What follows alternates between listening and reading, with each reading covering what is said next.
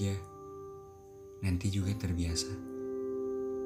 Seberat apa pun kejadian hari ini, kita masih bisa sampai sejauh ini bukan karena kebetulan, tapi karena kekuatan. Tak ada yang benar-benar sendiri di dunia ini.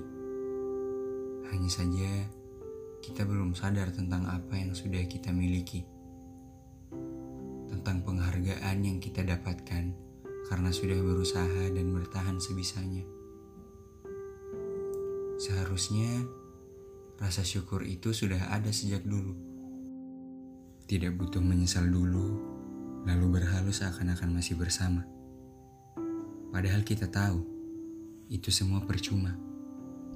Sejauh apa pun kita berangan, tubuh kita tetap berada di kenyataan. Meskipun bahagia hanya menjadi khayalan, setidaknya senyum bisa mengurangi beban.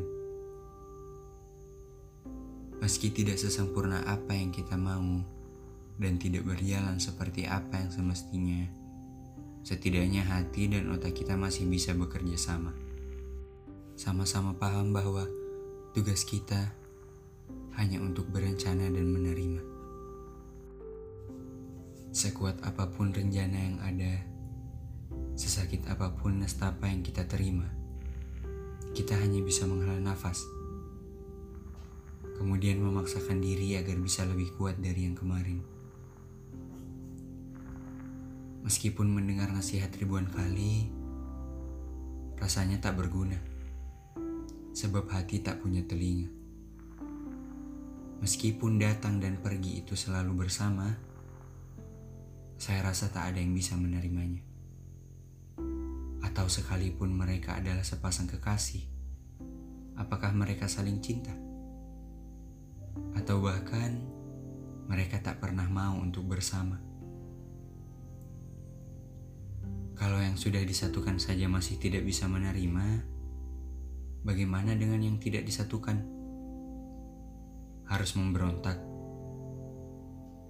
atau harus menangis ratusan tahun dulu hingga akhirnya disatukan? Tapi akhirnya tetap tidak bisa menerima satu sama lain. Manusia memang tidak pernah bersyukur.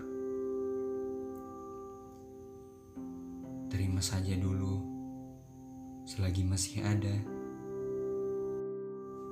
Tidak lagi mencari bukan berarti kita berhenti berusaha, tetapi belajar menerima apa yang ada lebih sulit daripada apa yang